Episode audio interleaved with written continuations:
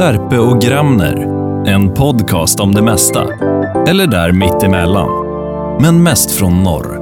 Ljudprofil i form av musik och jinglar. Producerad av ljudbyrån lejonbröder.se. Hej! Hej! Hej och välkomna! Eh, ytterligare en podd med ringsignal i bakgrunden eh, av eh, Särprogrammet. Det är frågan hur vi lägger in eh, vår ljudlogga. Ja, just det. Här är ringsignaler. Och där flyttar Annemik eh, ett bord i bakgrunden. Precis, vi kan ju berätta vad vi, vad vi är och vad vi gör idag. Vi har ju fortsatta logistikutmaningar kan man säga. Grava. Vi, ja, grava.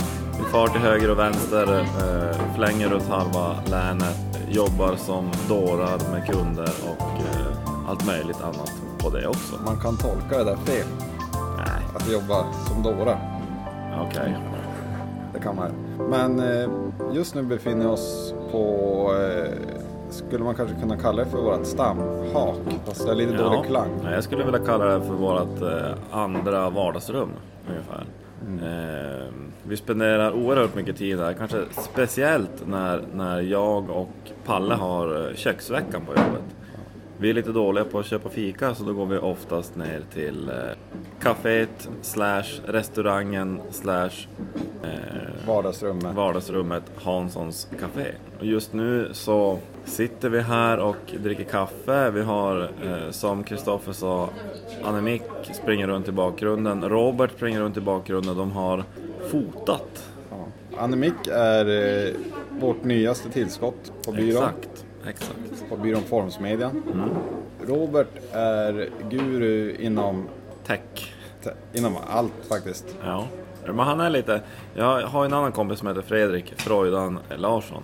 Och Robert och Fredrik är ganska lika. Det är sådana som man kan ringa och fråga lite vad som helst. Och de har förmodligen ett svar på det. Ett bra svar dessutom. Igår ringde vi Och är Fredrik. inte lika integritetskränkande som Google är. Nej, nej precis. Igår ringde vi Fredrik och frågade om han hade några inside på, eller några tips på eh, produktutvecklingsmodeller och metoder. Det hade han. Eh, det slutade med att han skickade en länk till en bok på 672 sidor och hänvisade till kapitel 4 till 8 och eh, matris 1a. Eh, helt fantastiskt. Men vi kan ju berätta bara lite eh, vad, vad Formsmedjan gör för eh, Hanssons. När vi nu ändå sitter här kan man ju passa på att prata om det. Vi, Jag kom ju just in. Ja. Eh, Jag fick ett telefonsamtal av Marcus som sa att ja, nu finns det möjlighet. Kan du? Så jag vet ju inte riktigt vad ni gör just nu. nej, nej. Det är ju så, Ulrika och Monica som är ägare av, av Hanssons Kitchen som det heter. De köpte det för fyra år sedan och eh, har eh, gjort ett fantastiskt jobb och ut, vidareutveckla konceptet och gjort jättefina saker. Och nu om nästa lördag så kommer de att stänga igen i två veckor ish. För att lansera ett helt nytt koncept i Boden som, som kommer heta Färgaregatan Sött och Salt. Ja.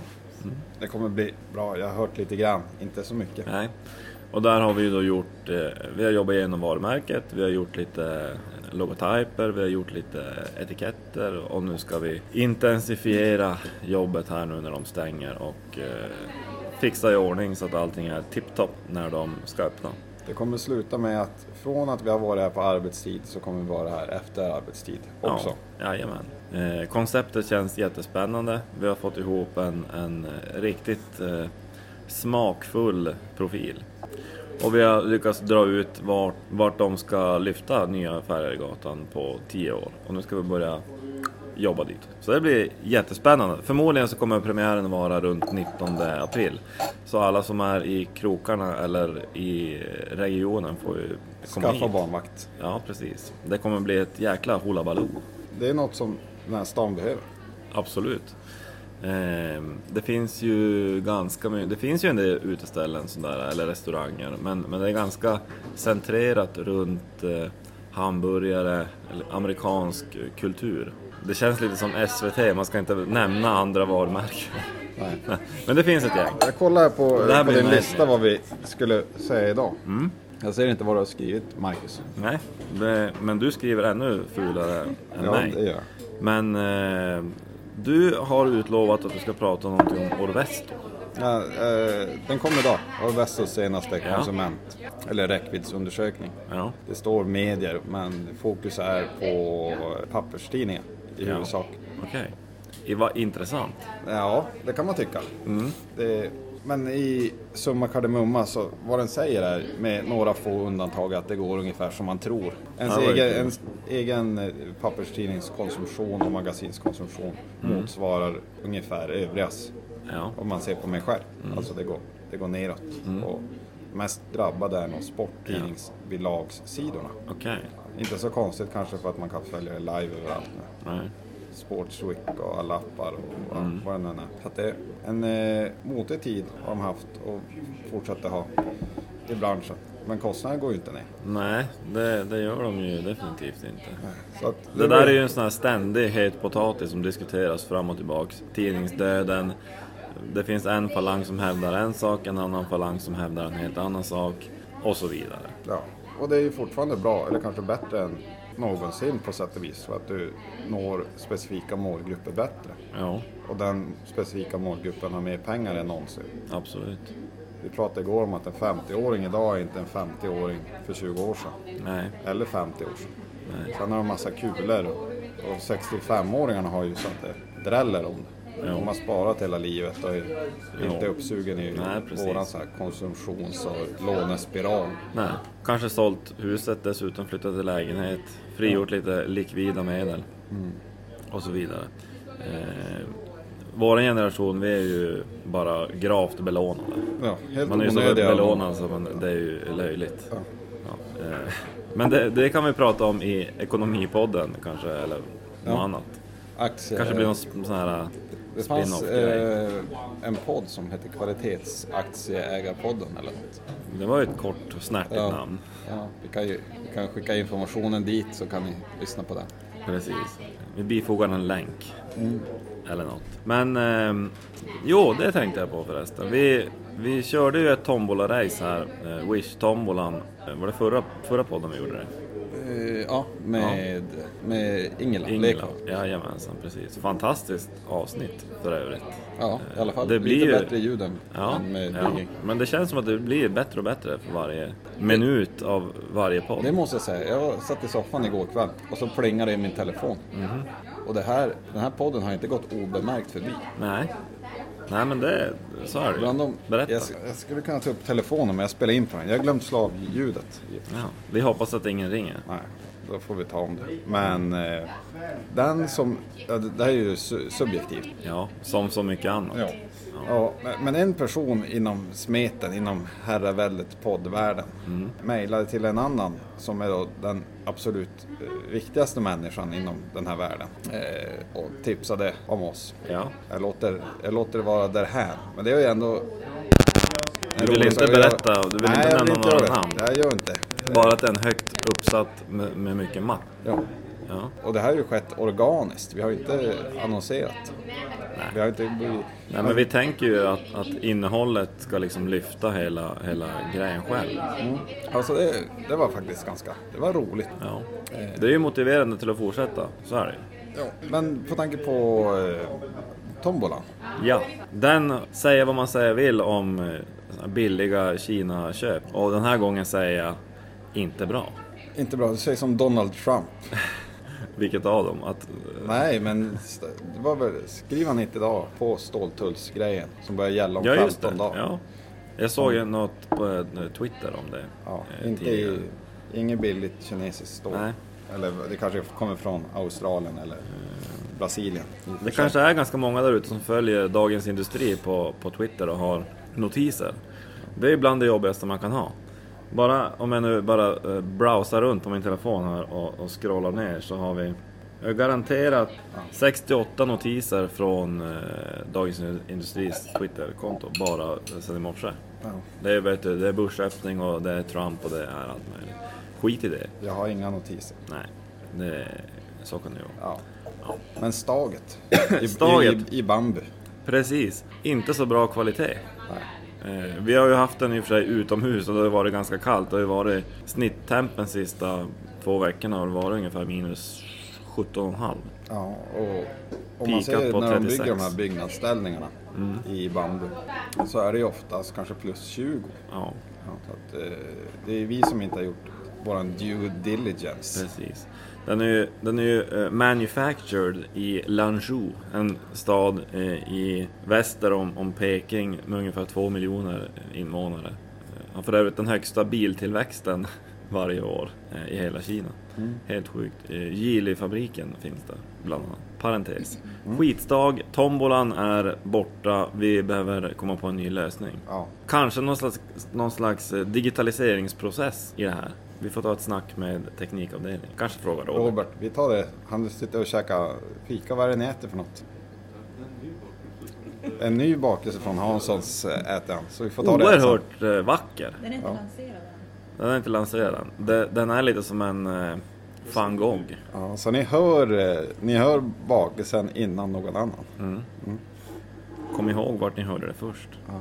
Har vi någon topp tre? Eh, Vi har absolut en topp tre, med, så vi drar igång jingeln. Men vet du vad vi gör? Nej? Vi tar och kör intervjun först och så kan vi köra topp tre efter. Ja, vi har en fantastisk intervju idag. Ja, vi har det. Den är väldigt djuplodande. Ja. Jag vet inte riktigt om, det, om den går över gränsen till det privata. Det får vi väl hoppas. Vi har ju börjat lära oss det nu att det är en eh, gränslandet, privat, personligt, eh, någonstans som man ska röra sig. Det är där det händer. Det är där det händer. Ja. Det är där magin eh, skapas. Men då kommer vi tillbaka om ett litet tag. Yes. Så får ni lyssna på den här. Veckans gäst. Välkommen då till veckans och dagens gäst som heter Titti Maria Kristina Schultz, om det stämmer. Det stämmer. Ja, det är Wikipedia. Wikipedia Wikipedia är bra. Ibland Wikipedias engelskspråkiga version, så det finns på engelska också. Ja, det är stort. Det är stort. Ja, oj, ja, jo då, min, min väg mot världsherravälde. Ja. Men du har ganska mycket världsherravälde. Nu, nu känner ju alla till din röst som, som lyssnar. Men om man, Ja, ja, vi hoppas det. Det vore ju roligt om någon har hört den någon gång. ja, det, vi, vi har ju inga döva följare. Och, Säg inte det. Nej, inte vad vi vet. nej, inte vad vi vet. Nej, precis. Nej. Och det är ju nog ganska omöjligt att inte ha följt med i alla fall en del av din resa. Beroende på vad man har, har, har lyssnat på genom åren. Men skulle Jag har du... haft glädjen att göra ett par ordentligt framgångsrika program och det är jag ju jättestolt och jätteglad över. Skulle vi kunna backa bandet lite och, och få höra lite hur, eh, hur det började allt det här som nu har flugit iväg med dig? Ja, absolut. Eh, hur långt tillbaka vill ni gå? Eh, ja, vi behöver inte gå hela vägen till Dackefejden men, men vi Nej. kan väl eh, backa en... Eh, Till 90-talet i alla ja, det tycker jag. Mm. Ja, 90-talet då gick jag ut, då tog jag studenten, början där. Då, Sen flyttade jag utomlands. Jag visste att jag skulle bli journalist. Jag hade tänkt bli någon form av grävande Jan Josefsson och det är jag ju jätteglad för i efterhand att jag inte blev. Men, men det var min tanke, jätteseriös, djup eh, journalist. Jag skulle ställa svåra frågor, jag skulle måla in politiker i hörn, jag skulle liksom gräva och avslöja och klämma åt. stoff. Det var mitt mål. Eh, Jag vet inte om det var för att jag hade gått i tjejklass på gymnasiet och lärt mig väldigt mycket om sådana saker. Eh, Man ska inte ha tjejklasser, det vill jag bara understryka här som en parentes. Sen då så började jag söka till Journalisthögskolan för det var ju den väg man skulle gå. Då visade att på den tiden skulle man ha 5 och 0 och lite till. Det hade inte jag. Inte i närheten. Jag hade en kusin som hade det och kom in, det var ju retligt. Men jag hade ju inte det. Och eh, då fick jag börja se över alternativen och jag har sedan jag var 14 år älskat Storbritannien. Då åkte jag på min första språkresa. Jag älskar det landet och det gör jag fortfarande. Åker gärna dit och så ofta jag bara kan. Det Eh, är ju så bra att de jag- kan, de kan ju engelska där, det är ju praktiskt. Ja, precis. Eh, och då var frågan, gjorde jag det? Ja, men då bestämde jag mig för att åka som au pair efter eh, gymnasiet. Och det är konstigt tänkt för att jag tycker inte så mycket om att hålla på med barn. Alltså jag tycker om barn, men jag vill inte hålla på med dem. Nej. Eh, och till slut så hamnade jag en familj som hade ett tonårsbarn. Och det var praktiskt, för då fick jag mest hålla på och dutta med mamman, hämta kemtvätt, hämta henne på jobbet och sådana saker. Hon var ensamstående med de här barnen. Eh, Så vi blev som en liten familj, jag älskade det. Och där började jag då eh, bestämma mig för att jag ska läsa i, i England. Och så började jag söka till olika universitet och det var omfattande intagningsprov. Och där tar man bara in på lämplighet. Nu har det tydligen kommit mer även i Sverige, men, men då var det liksom det som var mitt alternativ. Så jag satte igång att göra olika inträdesprov och skrev artiklar och jag fick olika uppdrag och grammatiktester och personliga intervjuer och eh, ingen kan beskylla mig för att jag är bäst bland de där uttagna på grammatik. Men jag klarade i alla fall kuppen så att säga. Så att jag kom precis, tror jag, med bland de, eh, om vi var 30 elever tror jag, som blev uttagna. Och sen så blev det mitt livs åktur, får man väl säga. Att läsa journalistik på något annat än sitt modersmål är inte skitsmart. Men det var liksom, jag hade inget att välja på. Så det var mycket sena nätter, mycket gråta, klappa ihop, ångra sig, vilja hoppa av, åka hem. Och så gjorde jag inte det och så blev det, ja men det var liksom där jag kom på att jag var människa på vis, eller vem jag var som människa. Jag blev självständig där och insåg att jag klarade mycket mer än jag trodde. Och sen när jag kom hem, då fanns det inga jobb på tidningen där jag skulle skriva de här tuffa grejerna. Så då tjatade jag mig till ett jobb på I Gävle ska vi säga. Ja, precis. Då är vi i Gävle, precis där jag är född och uppväxt. Och då, då, fanns det, då tjatade jag mig till ett jobb på, på Rix FM. Jag började som praktikant och eh, vägrade väl lämna sen, kan man säga. Och på den vägen var det. Jag tror jag var kvar på Riks till, vad blev det? 20 år eller någonting, 19-20 år. Det är fruktansvärt lång tid. Det är ingen som jobbar så länge på en arbetsplats längre. Men då började jag med att göra nyheter och det gjorde jag lokalt i två år. Och då var det sexskandal på Crazy Horse, en porrklubb i Bryssel och sådär med politiker. Så jag fick ju verkligen smaka på det där som jag hade drömt om. Eh, och, och fick jättemycket ansvar och det var skitroligt och jättespännande.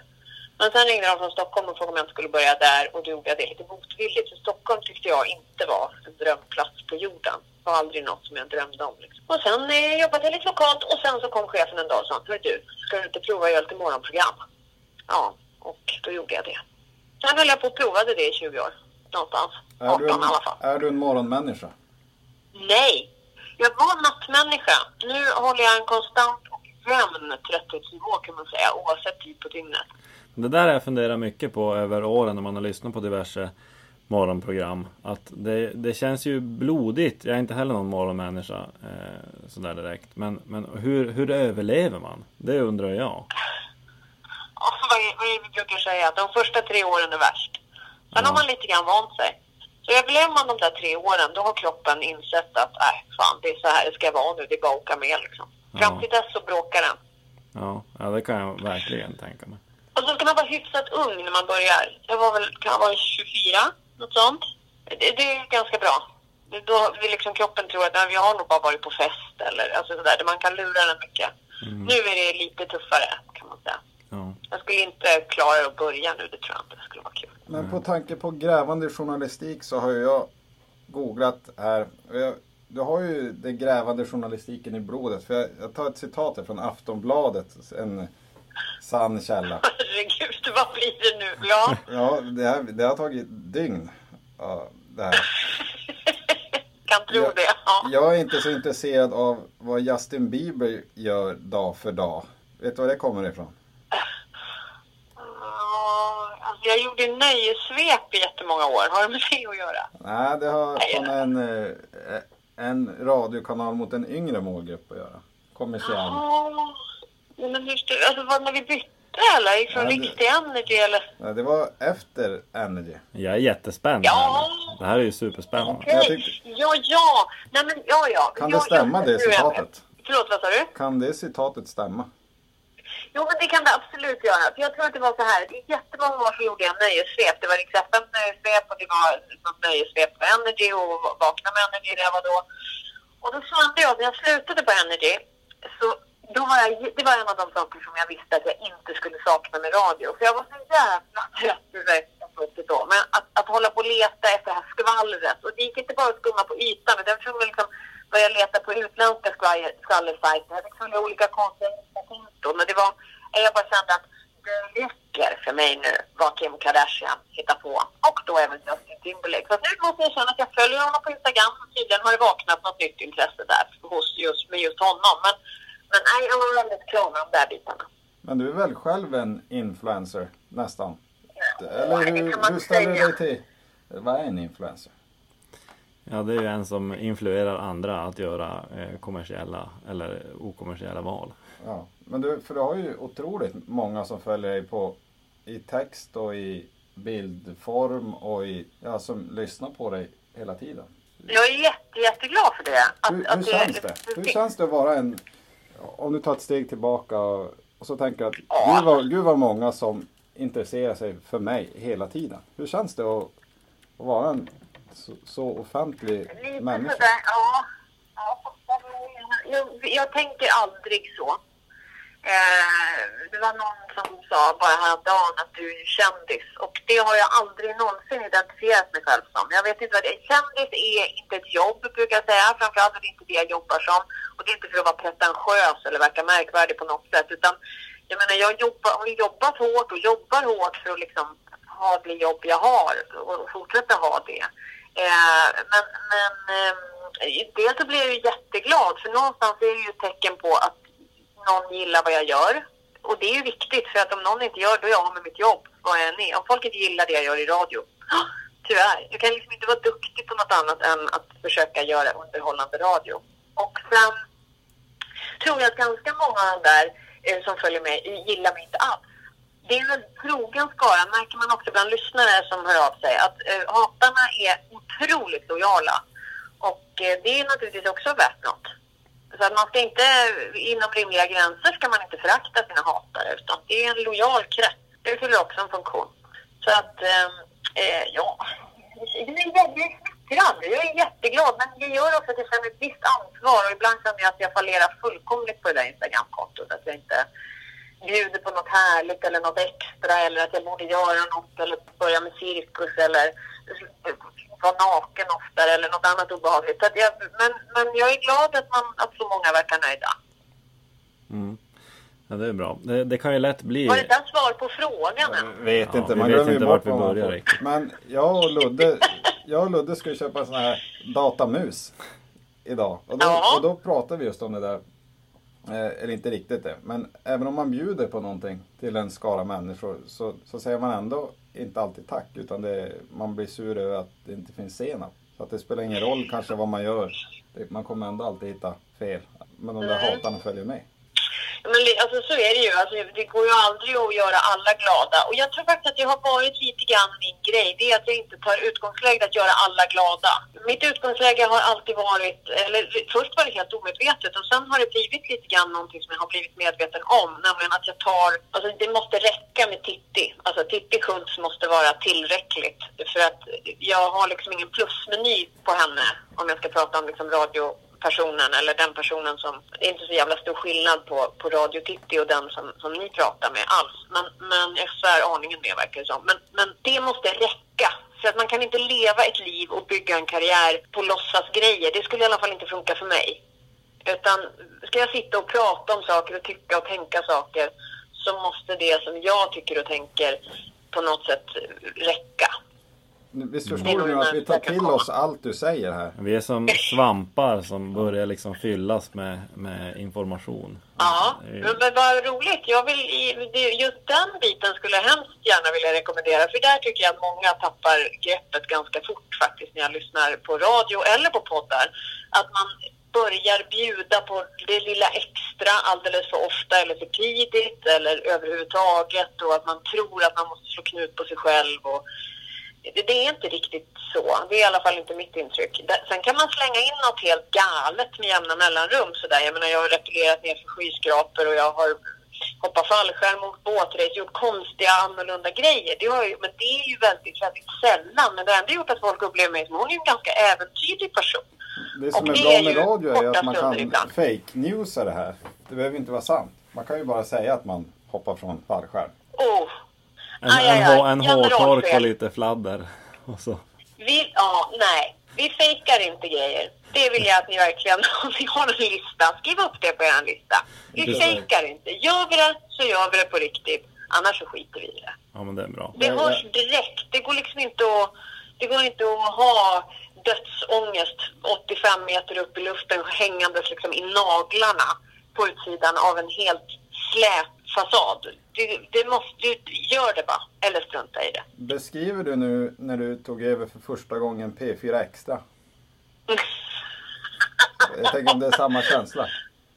Det var faktiskt väldigt roligt, för det var första gången sedan jag, alltså, sen jag började sända radio, några av mina absolut första nyhetssändningar som jag gjorde helt själv. För då var jag så nervös, min, alltså jag höll på att svimma, jag kunde inte andas. Det var, och den känslan hade jag när jag gjorde P4 Extra eh, första gången i mellandagarna. Och det var för att det programmet är något helt annat. Det är något helt annat än många program som jag har gjort i alla tider. När jag började på P5 Stockholm och för drygt ett år sedan nu, då var jag också jättenervös. Det var nya grejer, jag skulle sköta rattarna och spakarna, det hade jag inte gjort alltså, i modern tid. Vi hade liksom tydliga uppdelningar i vår grupp och sådär. Då, jag var jättenervös och, och hur skulle det bli? Och det var Sveriges Radio och det kändes annorlunda och jag kände mig lite grann som en katt bland hermelinerna och ja, sådär.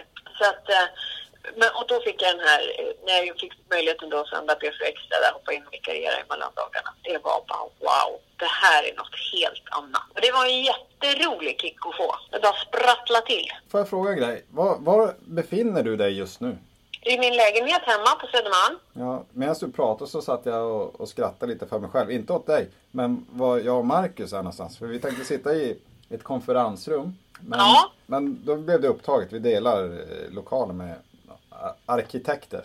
Eh, Ja. AD heter de. Jättebra. Men så nu är vi inne i, vad skulle du Det kategorisera? här, det här är ju rummet som vi då kallar för klipp och klistra. Och jag kan ju bara beskriva lite snabbt vad som finns här inne. Det finns en byggare Bob-dräkt till en människa som är 1,65.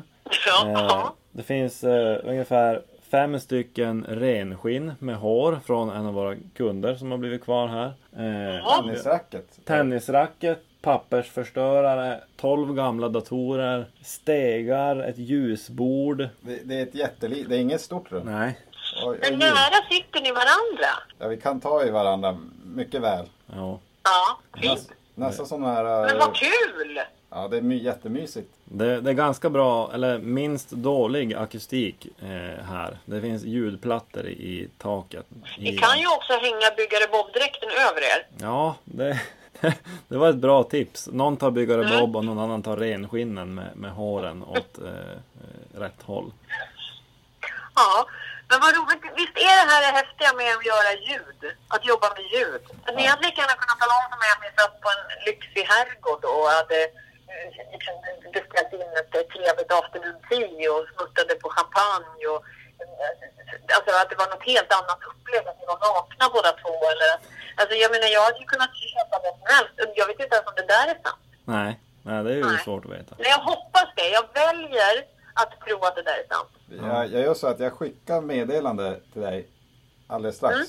Men nu spelar jag in med min telefon så att det går inte. Nej. Så det blir ändå... Men, jag men, skulle men, kunna fejka. men jag funderar på en, en, en grej här. Eh, eh, hur, hur är din relation till, till Gävle idag? För jag har en relation till, till Gävle sedan ganska långt tillbaks. Eh, då min, min morbror Kalle Särpe som håller på med teater bor i Gävle. Och hans, hans sambo Anna-Karin Färm som är så här bokproffs Ja, på... på Alla vet vem Anna-Karin Färm är. ja, precis. Är det så? Inte alla. Ja, oh ja. Ja, okej. Oh ja. Hon är en Eh, institution. Och särskilt för mig. Jag gillar ju böcker jättemycket. Så jag Ja. har bra koll på henne. ja, okej. Ja, ja, det är bra. Det inte jag. Men hur, hur är Men är du där ofta och hälsar på? Nej, det kan jag inte säga att, att jag är eh, så mycket något mer. Jag har något gammalt minne för de, de har ju hållit på med, med eh, islandshästar väldigt länge. Och det, jag Men har det några... där i Gävletrakten? Vad sa du? Där i Ja, Gävletrakten? jajamensan.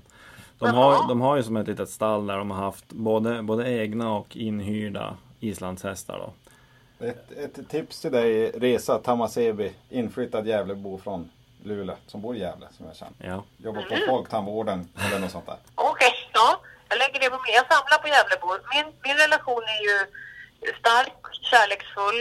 Eh, jag åker alltid hem när jag åker dit. Eh, jag känner mig alltid väldigt mycket hemma när jag är där. Jag tycker allt är mycket smidigare, det går fort, allt finns runt Stortorget. Man springer inte i rulltrappan. Inte än, men annars så har ju Gävle en fallenhet att stockholmifiera sig. Även om det har lugnat sig lite. Men mamma och pappa bor där, min bästis Sanna bor där, mitt gudbarn Viktor bor där och har en härlig tvillingbror, eh, heter Ludvig. Och eh, de här människorna är jätteviktiga för mig. Mm. Så att jag är där för sällan, men det, platsen i hjärtat krymper ju verkligen inte. Min senaste, mitt senaste förhållande till, till Gävle, nu ber jag om ursäkt. Eh, Det är eh, Ja. ett sånt där litet djur som inte finns så mycket här uppe i, längre upp i norr. Eh, Fästing. Ja, och den satte sig på hjärnan via någon, vad det vad säger Det var ju ingen bra. Nej, men då fick man bli sjukskriven. En fästing men på hjärnan är ju- det, det det, det här som man eh, vaccinerar sig mot vad du inte vaccinerar. Vad är det? M, nej, MVE? Ja, det heter något på? M, tror jag. Ja, jag är i alla fall vaccinerad eftersom jag bor där jag bor och har sommarställe och sådär här i faggorna. Men, men, eh, men du alltså, är det- helt återställd eller? Ja, det hoppas jag. Men det är i alla fall ett tips till alla, alla som lyssnar. Ta och vaccinera er mot eh, vad det nu heter. Det kommer bli Ja, efter, inte, det är ju inte borrelia, men det är ju det där som sätter sig, precis som du säger, på hjärnan. Det kan ju bli riktigt knasigt, så du kanske hade lite tur också. Jag vet inte. Eh, det beror på vem man frågar. Ja, det men så här det. långt tycker jag att du verkar sådär tillräckligt frisk i alla fall. Ja. Vi kan diskutera det. Men eh, det var ju, det där visste inte jag. Nej. När var det, när var, Jag när var det? Ja, det var, jag var, jobbade på Hemnet på den tiden. Jaha. Det säger inte mig något eh, i så här i tidsperspektiv när du jobbade på Hemnet. nej, Men, men det, jag, är inte så Men- gammal, jag är inte så gammal. Jag var ju på MTG en sväng när du var i Stockholm. Vi har ju suttit och käkat middag en gång, vet du det? ja, jag tänkte säga, för visst har vi träffats? Det har vi gjort. Vi satt på... Jag har ju du- sett en liten bild på dig på internet. Och det är, det är väldigt bekant. Inte det, jag hopp, ja okej. Det var den bilden. Jag tänkte jag försökte ta bort den andra. Men eh, vi, på någon Unicef-gala tror jag. Du, du hade Ah. engagemang i det. Och den som skulle sitta Ja, ja. med dig kunde inte komma. Om du inte hittade rätt klänning eller något. Så då blev jag inkuppad. Men då hade du varit, du hade gjort några aktiviteter med, jag tror det var Unicef. Ja, jag har varit på en fältresa med dem en gång om det var det. det, kanske. var nog, det var nog i samband med det. På Ja, typ, jag var i Sierra Leone för ja, nu är det ett gäng år sedan. Men ja. det är fortfarande en sån här helt otrolig upplevelse. Alltså, det finns saker på den resan som jag upplevt som jag tänker på varje dag fortfarande. Alltså, mer eller mindre så dyker det upp i huvudet på mig varje dag. Otroligt nyttigt för att hålla sig på tå när det gäller att eh, se vad man kan göra för att hjälpa andra. Men när man, jag, tänkte, jag tänkte på det, om man tar det exemplet, för då kommer jag ihåg, då satt jag där, hade just lärt mig borsta tänderna själv, satt med Titti Schultz och de här H.M. Perssons vid samma bord och några andra. Jag tänkte när man, när man blir inbjuden per automatik till sådana där event, eller kanske inte per automatik, man har väl gjort sig förtjänt av det. Men då har man ju ganska stora möjligheter att, att påverka. Har man det? Eller hur känner du? Om man nu är en sån person. Du verkar ha ganska starka åsikter tänker jag. Ja, det har jag ju och eh, eh jag är ganska, jag är inte så utstuderad att jag skulle liksom bara, ah, jag verkar hamna vid det här bordet, nu ska jag säga vad jag tycker om hur H&M framställer sina kläder till exempel eller så. Eh, men däremot skulle jag inte dra mig för om ämnet gick åt det hållet eller jag skulle ifrågasätta, ja kanske alltså, om det var ett UNICEF-engagemang så skulle jag förmodligen om jag hade möjlighet fråga hur ser det här ut nu för er? Ni har ju haft problematik med den här saken, vad har ni gjort? Och uppriktigt och intresserat vill jag höra vad man, vad man då har gjort för att motarbeta någon form av alldeles för unga människor som producerar ens varor, vilket var aktuellt för några år sedan och fick stora rubriker. Eh, men men eh, sen har jag också ett ansvar. Alltså jag är någonstans så finns en liten journalist i mig, men jag har också ett ansvar programmässigt. Jag kan liksom inte utnyttja radioprogrammet jag gör eh, i liksom mina privata intressens syften. Sen är det klart att jag i radio säger det är viktigt att hjälpa andra människor, gör vad du kan, det är jul, här är ett julklappstips eller eh, tänk på att eh, hjälporganisationerna har ofta jättebra grejer som man kan ge bort till någon julklapp och sådär. Det kanske jag säger, jag kan inte riktigt koppla ihop mina privata engagemang med det jag gör i radio. Eh, in, inte liksom generellt i alla fall. Men däremot så kan jag ibland träffa på människor i sådana sammanhang som jag säger, skulle inte du vilja komma och vara gäst hos oss och så får vi prata om det här. Och så får vi intervjua den personen. Eh, sådana saker har ju hänt. Men framförallt så får jag ju träffa väldigt, väldigt spännande människor som berättar saker för mig som, som gör att jag, ja, växer låter ju kanske lite väl, men, men att man får nya intryck och man får höra om andra människors eh, erfarenheter. Jag är mycket moderatorsuppdrag och sådär också, i konferenser i alla möjliga sammanhang. Och det är ju som att praoa i en annan värld. Nu måste jag bara pausa dig. Titti. Mm. För, för det lät som att, att du bara gjorde det. Du är ju faktiskt, har inte du blivit prisad som världens genom tiderna bästa moderator eller något sånt? Ja, det var ungefär det. Var ungefär det. Världens genom tidernas bästa moderator. Vi säger att det var det. Det var årets moderator vid Talargalan.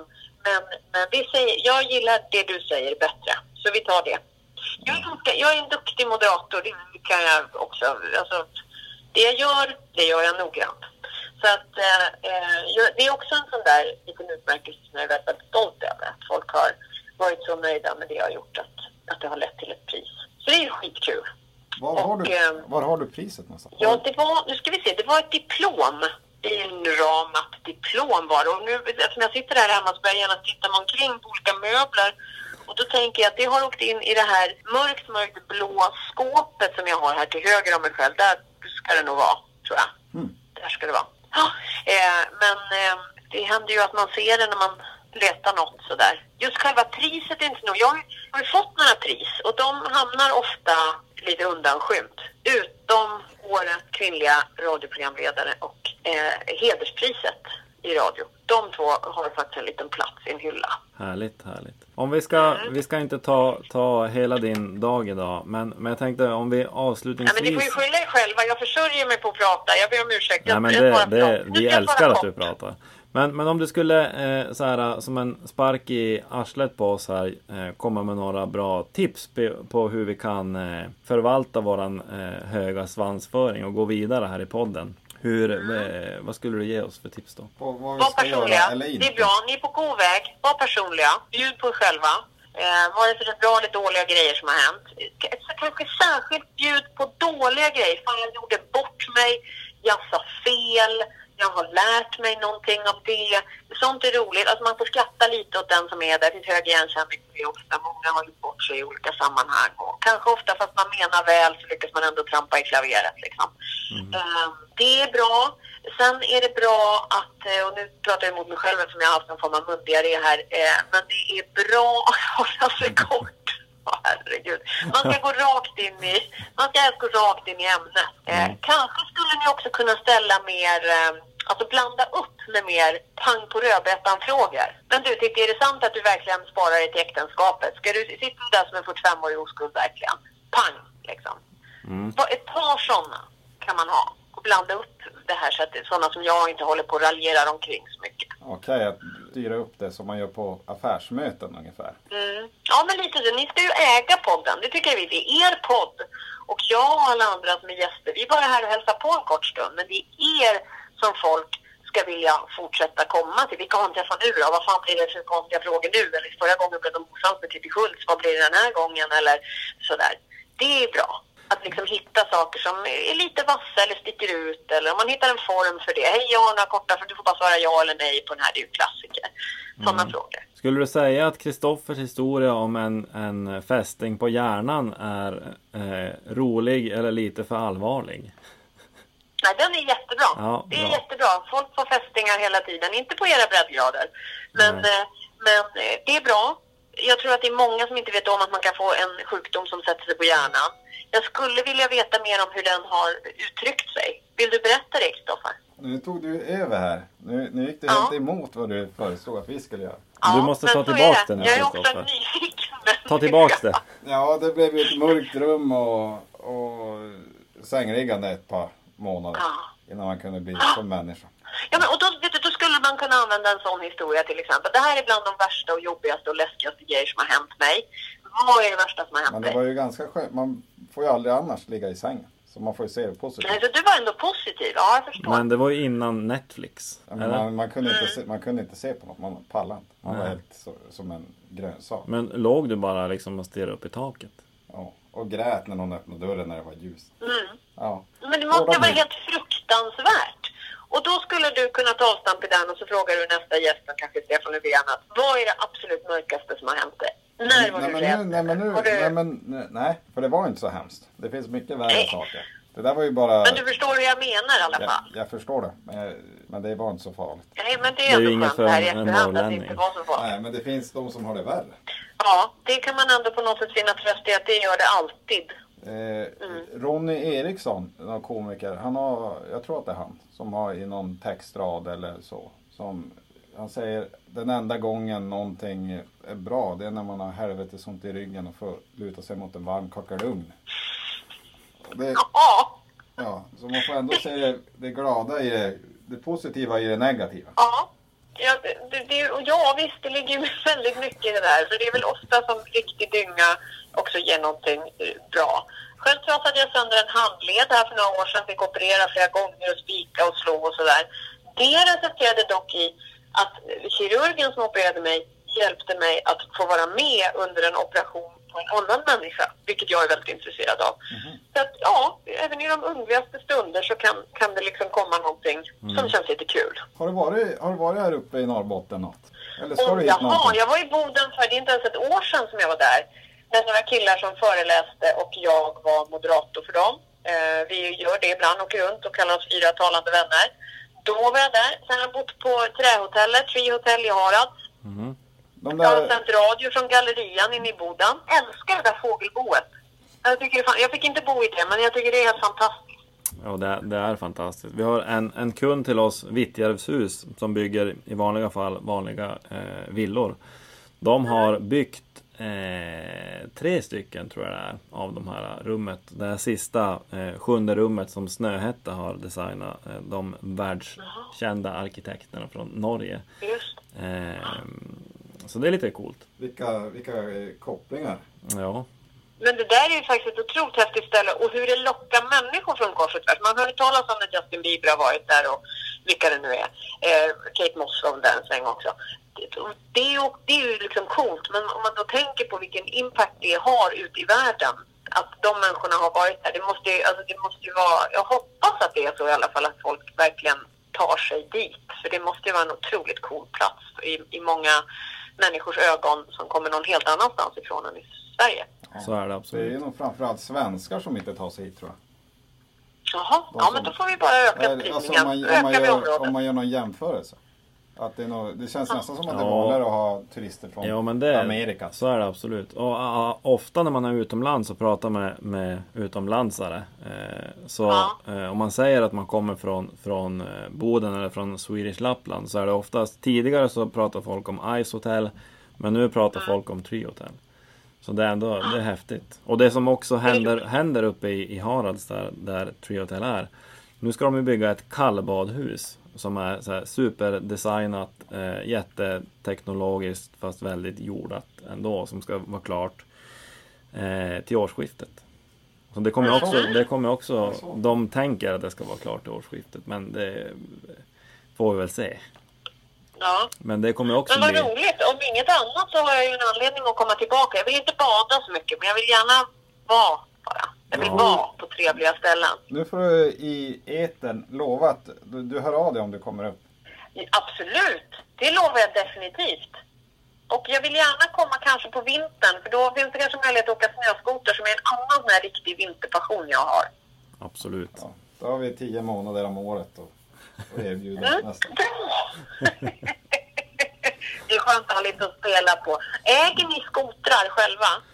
Eh, nej, det, gör vi, det låter ju konstigt att vi inte gör det. Eller jag vet inte Kristoffer, har du någon skoter? Nej, och inte skoterkörkort heller. Nej. Så att det, Måste man ha det? Ja, Frågade bor det, det beror på när man tog vanligt körkort. Om man tog det innan, innan Då är jag hemma. 96 tror jag det var så, så har man per automatik även skoterkörkort. Innan Jag, 96? ja, jag tror att det är så. Jag ska inte ta gift på det men jag är ganska säker. Jag kommer i alla fall att gå på den eh, informationen om någon polis frågar mig. En gång var jag faktiskt i. Jämtlandsfjällen. Vad sa du? Hänvisa till podden bara. Ja, det ska jag göra. Ja. Det kommer jag att göra i många Ja. frågor. Ja. Jag, vill, jag bara måste på skoter säga här, fast man kommer få klippa i det här. Eh, när det gäller skotrar så blev jag en gång stoppad i Jämtlandsfjällen av skoterpolis. Ja. Jag trodde inte det var sant. Där kom de med stripade skotrar och hela uniformen. Jag tyckte allt var helt rätt. Liksom bara, "Åh, det här är skojigt. Det var inte så jätteskojigt så jag fick böter. För att jag kunde inte säga på rak arm var registreringsskylten satt. Och det tänkte jag så här, hur svårt kan det vara? Så jag, ja, det är väl ända fram och så tänker jag att det är ända bak. Men det var det inte, utan det var en på sidan också, det var den. Ja. 600 spänn tror jag gick på. ja. Mm. ja. Det Men man fick liksom det sätta finns. det på skojkontot. Det finns, det, skoterkulturen är hyfsat utbredd här uppe, det, det får man ändå lov att säga. Jag var på, på eh, handbollsmatch här för, för ett par veckor sedan. Och eh, vi har ju, Boden Handboll har ju ett lag i elitserien i dam, eh, SHE som det då så fint heter. Eh, och sen när man ska köra ut med bilen, när man är färdig och har kollat färdigt och de har förlorat, tror jag att de gjorde. Eh, är det, ju, det är ju ganska många som liksom kör skoter till arenan. Det är coolt. Det, Jag älskar ja, det. det. Ja, man kan ju inte annat än älska det. Det är Jag fantastiskt. skulle, alltså, om, jag, om jag flyttar norrut så att jag får bo någonstans, vilket jag faktiskt gärna skulle göra någon gång i livet, bo någonstans där det är väldigt mycket vinter. Det första, alltså jag kommer inte ens bry mig om att ha någonstans att bo. Det första jag ska köpa det är en skoter. Eh, och inte någon så här, jag har provat så här trixiga, lätta skotrar. Jag har ingen talang för det. Men jag vill, jag vill, åka, jag vill kunna åka lite fort. Får man åka fort någonstans? Hur man vill? Eller är det 70 på led som gäller jämt? Men du, du pratar med helt fel personer. Jag trodde att det här kom med DNA ändå liksom. Att ni nu kunde representera hela liksom, norra Sverige. Det är ju lite, lite kul det där. Eh, Min, under hela min uppväxt, min, min mamma och min pappa kommer från Stockholm båda två. Flyttade upp hit precis innan jag föddes. Så jag fick aldrig äta på Max, alltså hamburgerrestaurangen. Utan eh, vi fick bara äta på McDonalds. För att de här Max, det är ju någon typ renburgare, kommer jag ihåg att farsan sa ganska ofta. Det ska vi inte hålla på med här i familjen. Vad säger dessa föräldrar nu när du bor avsevärt långt norrut? Nej, men de, de bor ju eh, här uppe eh, nu. Men, men, jo. Men det där är faktiskt en intressant definitionsfråga. Det kanske är de andra som bor långt söderut. Ja, absolut. Man tänker mer bara att jag tar ju avstamp i mitt perspektiv och så tänker jag att ni borde ta avstamp i ert perspektiv. Så jag bor långt söderut medan jag tycker att ni bor långt norrut. Ja. Och det är inga värderingar i det, utan det är mer en geografisk hänvisning. Men jag tror att det finns generellt en värdering. Men nu måste vi eh, dra tror jag. För att ja, fikapauserna är över sedan länge. Ja. Ja, det, vi klämmer in det här på fikapausen. Jag förstår. Ja, men då finns det, ska jag skriva en lapp till chefen eller något? Men, men det- en av mina chefer sitter bredvid mig. Ja, det är ju jag. Ja, Men, så det, vi har dispens här. Det blev 45 minuters fika idag. Eh, Mm. men det är helt okej. Vi har fått prata med dig. Det har varit helt fantastiskt. Hörrni, det var jättetrevligt att prata med er. Jag har liksom glömt bort att vi höll på att spela in en podd och det var kanske dumt att jag glömde det. För att det, det skulle kanske ha varit bra om jag hade varit lite mer stringent. Ni kan höra av er så gör vi om alltihop.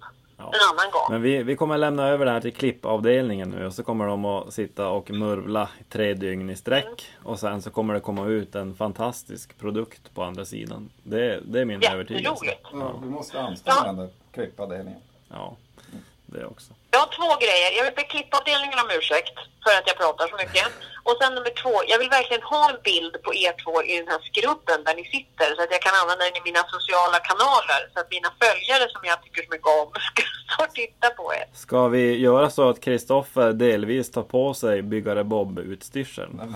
Han kan ju ta på sig byxorna i alla fall. Det vore naturligtvis det bästa. Ja. Eh, Då ska vi se till att ordna Det är det. inte hygieniskt det här säger jag. Nej, det, det är inte så hygieniskt. Men det, det går bra. Ja. Men eh, Titti, då, då kör vi på det. Och så eh, skickar vi några bilder via, via internet. Mm. Och så Jag syns skickar vi. dem via telefon om du vill. Det Ja. går också bra. Jo, vi har ju internet i telefonen. Och wifi. Så, Hörrni, en, en grej nu som blir lätt, lättklippt. Lite tystnad i början, lite tystnad i slutet. Och det är jättemycket lycka till med den här podden. Tack så jättemycket. tack så mycket.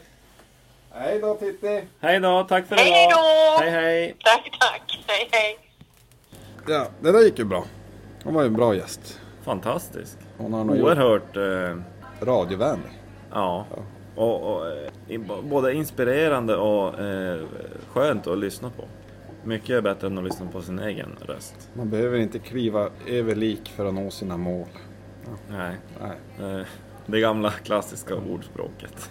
Men nu då, Ska vi bränna av en lista? vi, ja, vi hittar på en. Ja. As we speak. Okej, Jag jag kan- tänker så. Ja, säg ett tema så fyller jag i. Om du inte kan fylla en själv. Skulle jag vilja säga tema omvärldsbevakning. Topp tre aktuella grejer. Topp tre aktuella grejer. Ja. Topplistan. Nu har jag varit dåligt på omvärldsbevaka, men, Det är för att du inte har notiser på Dagens Industris nej, Twitter. men det som har varit mitt flöde mest, det är nog den här uh, Luleå Nice Pride-historien. Mm. Som har snurrat. Ja, den har ju snurrat runt eh, mycket. Och nu har det ju då ramlat, ramlat ner lite, lite, dålig, lite dålig lukt runt det här. Ja, det är nog lätt. Det är lätt att det blir lite galet när, det, när man inte tänkte efter innan. Nu läser jag. Du fick just en lapp. Jag fick en lapp. Annemik, om ni undrar varför vi är tysta, så skriver hon på en servett här. Det var en lokal omvärldsanalys. Hur tänker du? Kan du berätta hur du tänkte Annemik? Får jag berätta? Ja, Men du måste komma närmare mikrofonen om du Jaha, ska jag, jag trodde det skulle vara mycket... mycket vidare. Men omvärlden, den spänner ju från liksom tre meter från kroppen Ja. till... Man hänger, mest, man hänger mest vid diskmaskinen. Så egentligen det som hänger, händer i hallen när Ja, det kommer in någon ny. Jo. Det är bara det tycker jag är spännande. Jo. Om det är någon som väl kommer och hälsa på. Det är ju precis. knappt någon som ringer längre. Nej, Nej. nej det...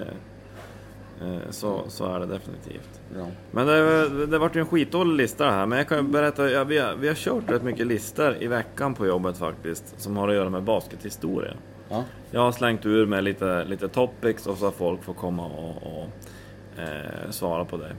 Sen hade vi, jag, Annemik och eh, min eh, sambo Emma var och kollade på dambasket med Micke Romensari på Luleå Grafiska, ett fantastiskt tryckeri här uppe som finns i, i Luleå. Och Micke, han, är ju, han har ju all historia man kan ha när det kommer till basket. Så jag försökte köra några listor med Micke där också. Bland annat hade vi då topp 5 mest likable spelare genom historien. För er som inte gillar basket är det här sjukt ointressant. Ja, gå till nästa podd eller förra om ni inte har lyssnat på den. Ja, precis. Det är svårt att gå till nästa innan den är släppt. Ja, det kan gå. Ja, om man lyssnar Robert sent kan. i efterhand. Nej, exakt. Men ja, ja, jag vet inte riktigt. Ja, men ta den listan fort då. Eh, Most likable. most likable. Jag tar min egen lista. Ja. Nummer är vi- eh, ingen inbördes ordning. Vesa Mäkeläinen. Försvarsgeni som var en, två säsonger. Han hade en, en fanclub från Finland som var på en del matcher. Jättefulla eh, finländare med gigantiska plakat. Plakat och plakat.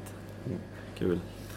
Eh, det tog en stund för Kristoffer att vara med. Jag var ju tidigt på jobbet. Ja. Eh, han är en av dem. Eh, sen har jag nog eh, Eric Elliott såklart. Eh, fantastisk människa, basketspelare, allt möjligt på en gång. Man drömmer ju som att han ska flytta tillbaka igen. Ja, Och bli borgmästare. eller- ja precis. Det, jag tror ju att om, han, om man hade outat, kanske på Twitter, eh, att ja, nu kommer jag hem. Då, då är det så att då nycklarna ligger på bordet, kom och hämta dem. Eh, absolut.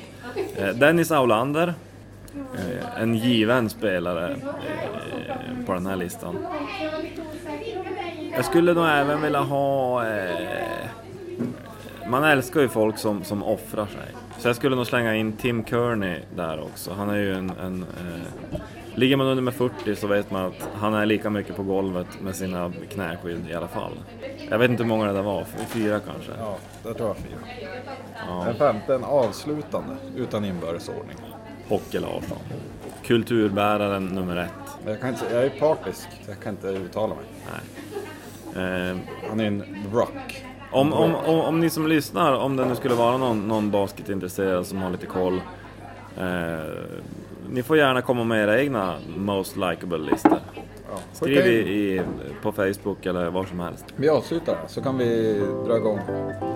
Ja, Annemik ska spela in en annan podd. Ska, Anna-Mix skriver väldigt mycket på eh, de här... Men det här, Papperna. jag tror att vi har så ung målgrupp så det är ingen som vet vem det där är. Nej. Men eh, vi nöjer oss så. Vi gör det. Eh, vi syns nästa avsnitt. Yes. Ha det bra. Ciao. Ciao.